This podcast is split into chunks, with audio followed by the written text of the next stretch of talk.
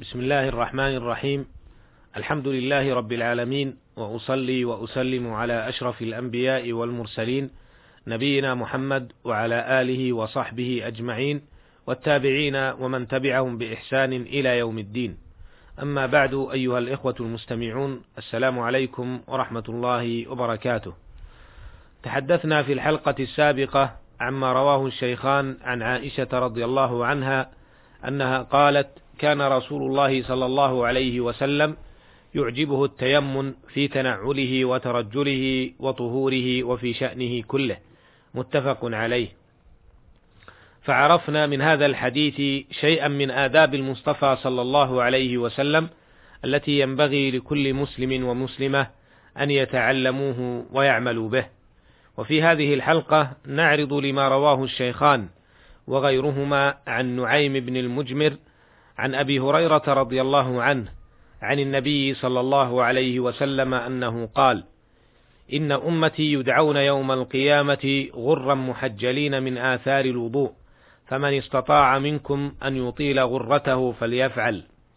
وفي لفظ آخر رأيت أبا هريرة يتوضأ فغسل وجهه ويديه حتى كان يبلغ المنكبين ثم غسل رجليه حتى رفع إلى الساقين ثم قال سمعت رسول الله صلى الله عليه وسلم يقول إن أمتي يدعون يوم القيامة غرا محجلين من آثار الوضوء فمن استطاع منكم أن يطيل غرته وتحجيله فليفعل.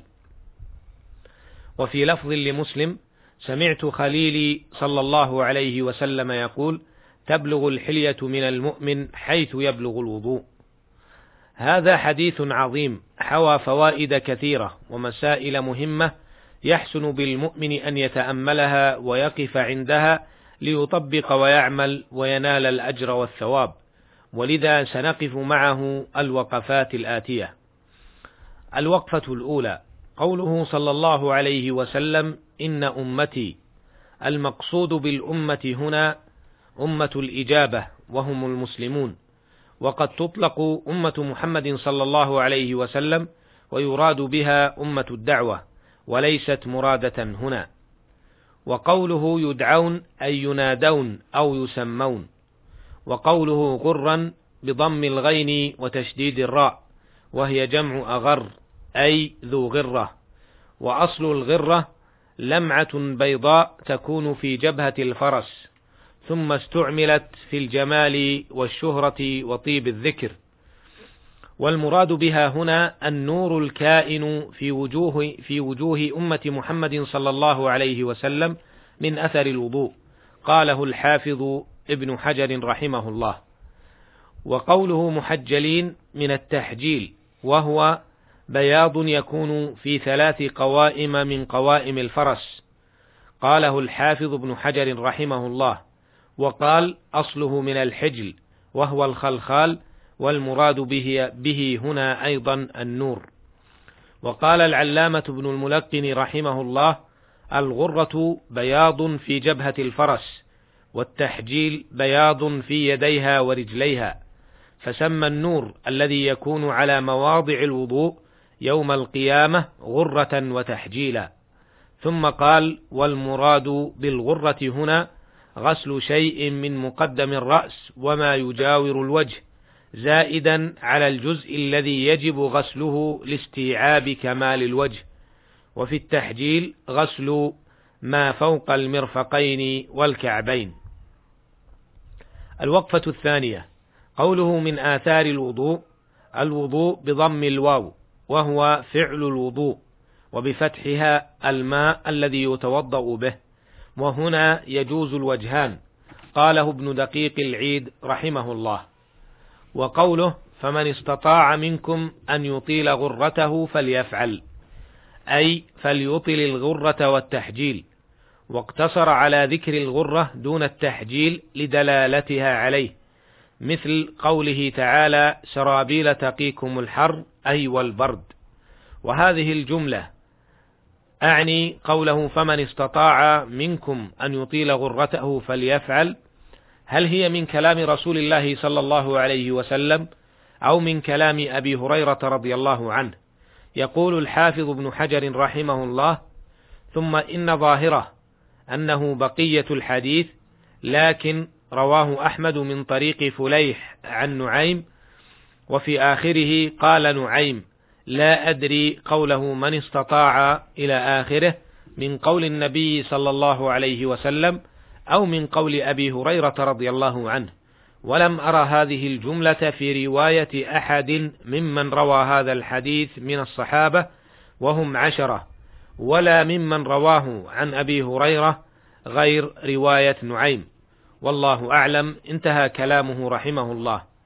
ومن هنا اختلف أهل العلم في مشروعية غسل الزيادة عن الوجه واليدين والرجلين بناء على هذا الاختلاف كما سيأتي توضيحه في الوقفة التالية.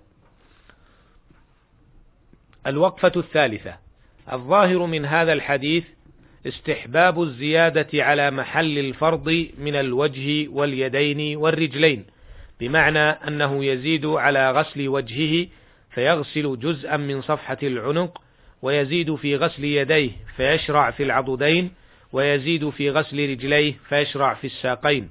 وهذا الاستحباب هو ما ذهب إليه جمهور أهل العلم لكنهم اختلفوا في مقدار هذه الزيادة. فمنهم من قال إلى المنكب والركبة, والركبة قال ابن حجر رحمه الله وقد ثبت عن أبي هريرة رواية ورأيا وقيل الزيادة إلى نصف العضد والساق وقيل إلى فوق ذلك. وذهب الإمام مالك رحمه الله ورواية عن الإمام أحمد رحمه الله وهو ما رجحه شيخ الإسلام ابن تيمية رحمه الله وتلميذه ابن القيم رحمه الله وهو عدم استحباب مجاوزة محل الفرض فيقتصر المتوضئ على حدود الوجه واليدين والرجلين. وقالوا إن قوله فمن استطاع منكم أن يطيل غرته فليفعل. هذا من كلام أبي هريرة رضي الله عنه وليس من كلام رسول الله صلى الله عليه وسلم. ولم يرد عن رسول الله صلى الله عليه وسلم أنه زاد على محل الفرض على كثرة من نقل لنا وضوءه صلى الله عليه وسلم. وغاية ما في هذا الحديث هو الدلالة على نور أعضاء الوضوء يوم القيامة فرجح هؤلاء أن الجملة الأخيرة مدرجة من كلام أبي هريرة رضي الله عنه بناء على فهمه وبناء على هذا فالذي يظهر والله أعلم هو عدم مجاوزة محل الفرض لكن ينبغي التأكد من غسل الوجه واليدين والرجلين بحدودهما الشرعية. الوقفة الرابعة. يدل هذا الحديث على أفضلية الوضوء حيث أن أثره يظهر على المؤمنين يوم القيامة فتتلألأ أعضاؤهم نورا يرى حيث ينادون فيأتون على رؤوس الخلائق تتلألأ وجوههم وأيديهم بالنور. وذلك من آثار هذه العبادة العظيمة. فلنحافظ أيها الإخوة المستمعون على هذه الطهارة ولنقم بها على وجهها الشرعي ولنعكس هذه الطهارة الظاهرة الحسية على طهارة القلوب والأفئدة من أمراضها التي توسخها كالحسد والغل والحقد والبغضاء ونحوها. لنقابل الله سبحانه وتعالى يوم القيامة بنظافة الظاهر والباطن. أسأل الله تعالى أن يصلح لنا نياتنا وأن يعفو عن أخطائنا وزلاتنا إنه سميع مجيب وهو المستعان وإلى اللقاء في الحلقة القادمة إن شاء الله والسلام عليكم ورحمة الله وبركاته